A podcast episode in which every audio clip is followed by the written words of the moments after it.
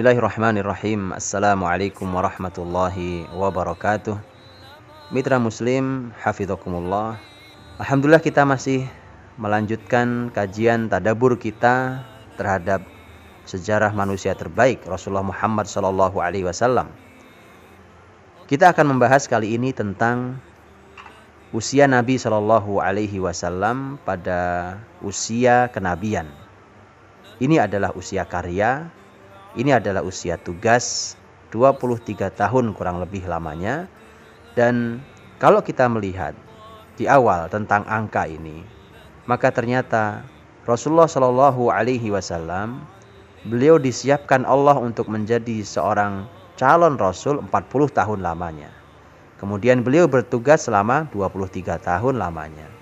Itu artinya ada pelajaran yang mahal bahwa ternyata usia persiapan calon rasul lebih lama daripada masa tugasnya. Maka orang-orang besar, orang-orang kita semua yang ingin menjadi orang-orang besar berikut keluarga kita, mari kita bersabar di masa persiapan. Bersabarlah, berlipat ganda sabarnya, isbiru, wasobiru, yang sabar dan lipat gandakan lagi kesabarannya. Karena ini adalah masa persiapan yang selama apa pun persiapan itu asal disiapkan dengan baik, maka insya Allah kita akan memetik hasilnya di kemudian hari. Ketika Allah Subhanahu wa taala berfirman dalam Al-Qur'an, "Wa'mur ahlaka bis salati wastabir 'alaiha."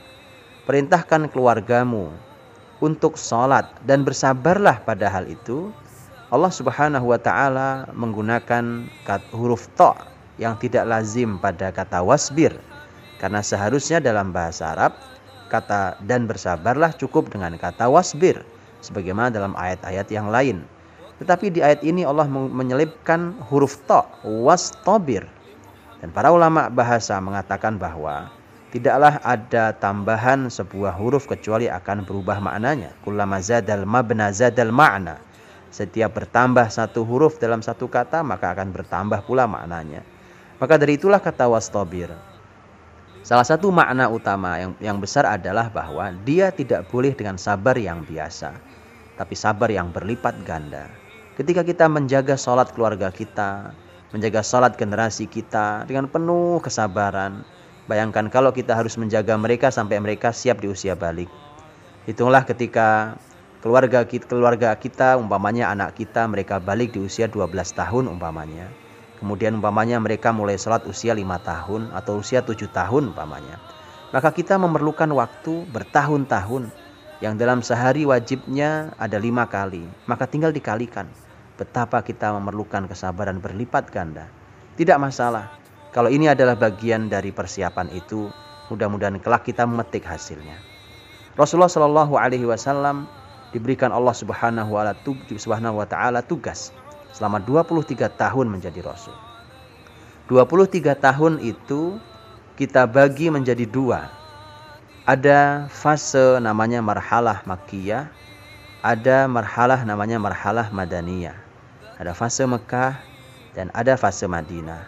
Fase Mekah selama kurang lebih 13 tahun dan fase Madinah kurang lebih selama 10 tahun. Ini adalah dua fase perjuangan Nabi Shallallahu Alaihi Wasallam. Ini adalah dua kota yang pertama memancarkan cahaya iman setelah bumi diselimuti oleh kejahiliahan. Kota Hijaz namanya, yaitu Mekah dan Madinah. Dan itu tetap menjadi negeri yang merupakan kiblat muslimin. Karena Ka'bah Mekah adalah kiblat muslimin, dan Madinah ada Masjid Nabawi hingga hari ini di mana sholat pada keduanya mendapatkan pahala yang lebih besar dibandingkan sholat-sholat di tempat yang lain. Saya ingin memberikan sebuah peta, sebuah uh, view yang besar sebelum kita dalami dengan detail satu persatu sirah nabawiyah tentang perjuangan Nabi Shallallahu Alaihi Wasallam. Bagaimana perjuangan itu ternyata ada strateginya, ada urutannya. Tidak cukup hanya dengan semangat, tapi juga harus ada ilmunya. Kita lihat di kota Mekah umpamanya. Kalau kita mau mengkaji pembahasan membahas tentang masalah fase Mekah dan Madinah, hal yang sangat mudah buat kita adalah ketika kita melihat Al-Qur'anul Karim. Silahkan baca Al-Qur'an, kemudian bandingkan isi Al-Qur'an antara ayat-ayat Makkiyah dan ayat-ayat Madaniyah. antara surat-surat Makkiyah dan surat-surat Madaniyah dan perhatikan perbedaan-perbedaannya. Para ulama telah memberikan kajiannya pada kita setelah mereka teliti. Dan itulah konsep, itulah urutan, itulah cara mendidik, itulah pendidikan Islam yang sesungguhnya. Maka mari kita lihat beberapa poin. Di fase Mekah umpamanya, fase Mekah salah satu ciri ayat-ayat Makkiyah, salah satu cirinya adalah ayat-ayat Makkiyah cenderung pendek, tetapi suratnya banyak. Maka berbeda dengan surat Madaniyah yang suratnya cenderung panjang-panjang tapi jumlah suratnya tidak terlalu banyak. Dan begitulah, begitulah kita mengawali pembelajaran pada siapa pun. Mungkin kita bermula dari yang pendek tetapi rutin dan sering. Ketika mereka sudah siap, maka kemudian kita akan bisa memberikan materi kajian ayat yang panjang. Tapi artinya semua memerlukan sebuah latihan dan proses. Manalah bisa orang berharap bisa segera hebat tanpa harus melalui sebuah latihan. Begitu juga salah satu hal yang menarik, contoh yang menarik di antara uh, yang terja yang ada dalam ayat-ayat Makkiyah adalah bahwa ayat-ayat Makkiyah uh, adalah ayat-ayat yang dipenuhi dengan kisah. Tapi tidak dengan ayat-ayat Madaniyah. Karena ayat-ayat Makkiyah adalah ayat-ayat yang membangun pondasi akidah, akhlak dan ternyata Ayat-ayat Makkiyah adalah ayat-ayat yang dipenuhi dengan kisah yang sangat banyak. Maka itu artinya bahwa kisah adalah merupakan konsep yang sangat mahal. Dan Islam tidak suka dengan dongeng, tetapi Islam eh, yang diinginkan oleh Allah dan Rasulnya adalah kisah, bukan dongeng, bukan kisah fiktif, tetapi sejarah. Maka berkisah adalah merupakan salah satu konsep pendidikan Islam, salah satu konsep pendidikan keluarga kita yang sangat mahal. Alangkah alangkah ruginya kita ketika hari ini di kurikulum kita, terutama di usia anak-anak, di usia awal mereka membangun pondasi, tidak ada kurikulum sejarah Islam. Tidak ada kurikulum sejarah Islam yang membangun konsep diri mereka, yang membangun akidah dan akhlak mereka. Atau kalaupun ada tentang kurikulum kisah, ternyata kisah fiktif atau hanya merupakan uh, cerita dongeng eh, negeri-negeri, wilayah-wilayah yang tidak jelas kebenarannya, tidak valid dari mana sumbernya. Sangat disayangkan. Padahal kisah adalah merupakan konsep yang sangat mahal yang dengan itulah dulu Rasul dan para sahabat mendidik generasinya. Dan ini ada di Makkiyah. Dan mengapa dengan berkisah? Karena berkisah juga merupakan sesuatu yang sangat disukai orang tidak ada di antara kita yang tidak suka dengan kisah. Kita bisa duduk berlama-lama dengan kisah, tapi mungkin kita tidak bisa duduk berlama-lama dengan tentang membicarakan hukum. Tidak semua orang suka itu. Maka dari itulah pembahasan tentang hukum, pembahasan tentang beban syariat itu nanti di kota Madinah. Ini pelajaran saja buat buat kita menjadi mahal. Makanya pantas kalau kita punya generasi, ini contoh pelajaran, kita pantas kalau kita punya generasi yang terus kita jejali dengan kewajiban beban, umpamanya kewajiban sholat, kewajiban untuk e, berbakti pada orang tua, membaca Al-Quran, silaturahim, sodako, semua mulia. Tapi kalau tanpa pondasi, maka itu hanya menjadi beban bagi mereka yang tanpa pondasi kuat mereka akan ambruk. Saat ambruk itulah kita akan terkejut, kita akan berkata, saya sudah mendidiknya dari kecil, mengapa di saat usia besar ternyata mereka berubah? Karena kita tidak menyiapkan pondasinya. Sehingga ketika beban semakin berat, maka ambruklah bangunan Islam generasi kita. Jadi konsep Mekah, konsep yang tidak sederhana. Sesuatu yang harus kita lewati, kita lalui dengan baik. Karena dengan itulah maka kita bisa membangun pondasi yang kalau kokoh pondasinya, maka silahkan Anda mau memberikan beban setinggi apa pun, Anda mau membangun gedung sehebat apa pun, bukan hanya bukan hanya eh, gedung-gedung uh, tinggi, bahkan mungkin gedung yang sampai melewati awan di atas sana. Asal pondasinya adalah pondasi yang cukup dan pondasi yang layak. Dan itulah generasi Islam di zaman Rasulullah SAW dan para sahabat. Di mana di masa mereka, di generasi mereka, uh, yang namanya pondasi yang namanya pondasi adalah merupakan sebuah eh, keharusan agar mereka semuanya kelak bisa membawa beban risalah Islam ini dengan penuh kenikmatan. Eh, fase Mekah juga dikenal dengan fase yang banyak berbicara tentang eh, masalah akhirat, tentang surga neraka, bicara tentang masalah hari hari kebangkitan, yaumul hisab dan seterusnya. Memang itu yang harus banyak dibicarakan di mereka di usia-usia awal atau di mereka yang baru belajar Islam. Hukum itu bicara tentang hukum, umpamanya tentang masalah hukum, hukum muamalah, eh, kemudian beberapa hukum ibadah, bahkan hukum yang terlihat menakutkan, hukum hudud umpamanya yaitu hukuman dalam Islam, apa pun bentuknya, mau cambuk, potong tangan, eh, penggal kepala, uh, di, diasingkan, dibuang dan seterusnya. Hukuman-hukuman itu baru nanti dibahas di Madinah ketika memang muslimin telah siap.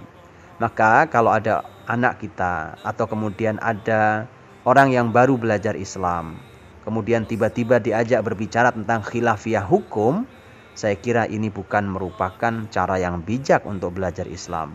Karena khawatir bahwa mereka merasakan betapa tidak nyamannya Islam Betapa tidak nikmatnya Islam. Padahal Islam ini sangat nikmat. Islam ini adalah anugerah. Islam adalah sebuah kenikmatan.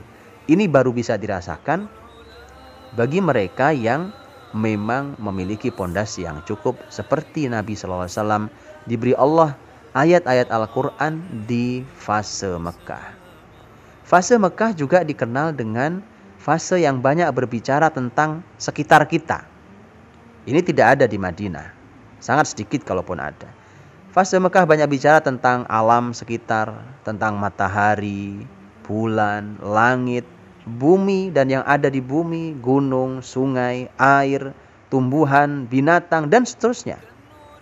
Karena kita akan lebih mudah belajar ketika mengamati sekeliling kita. Karena itu terlihat betul di sekeliling kita.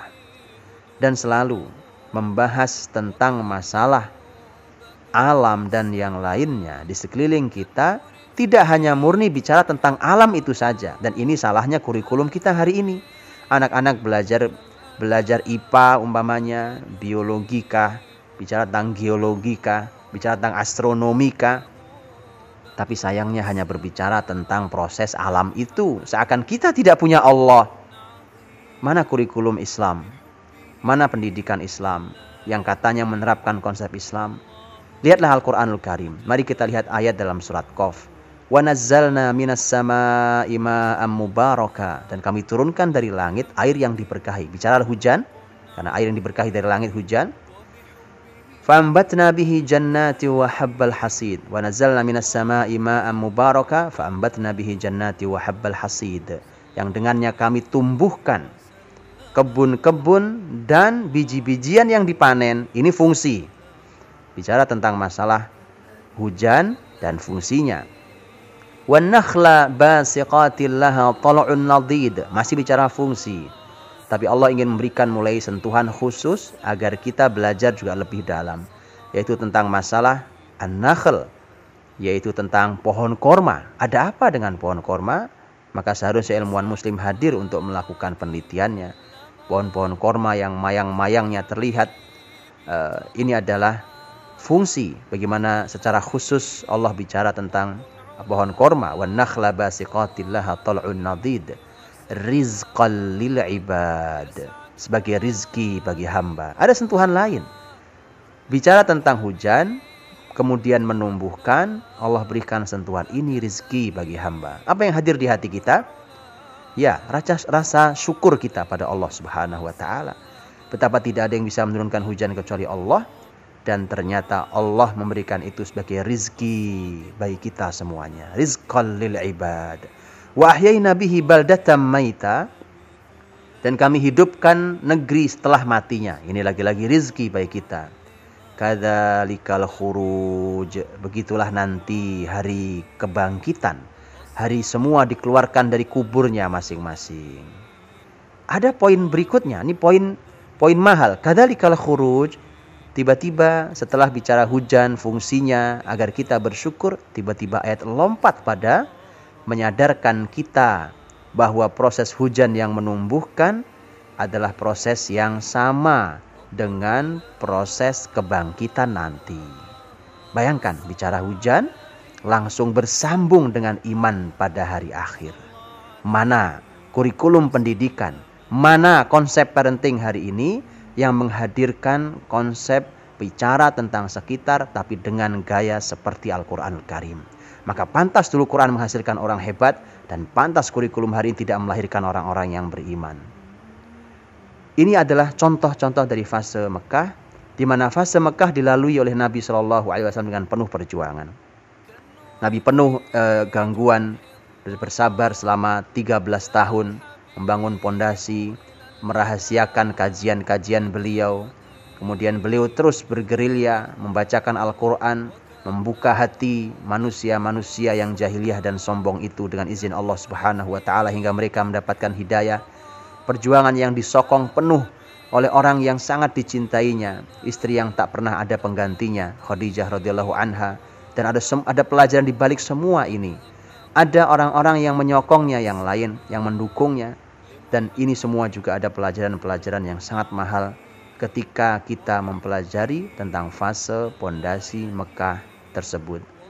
Mudah-mudahan ada yang bisa kita ambil hikmahnya agar kita menyiapkan lebih baik. Insya Allah kita akan pelajari lebih detail lagi tentang bagaimana fase persiapan itu dengan izin Allah Subhanahu wa taala agar kita pun bisa menyiapkan diri dengan baik agar kita bisa membawa tinggi risalah Islam seluruh beban Islam ini dengan penuh kenikmatan hingga Islam mencapai kebesarannya wallahu alam bisawab assalamualaikum warahmatullahi wabarakatuh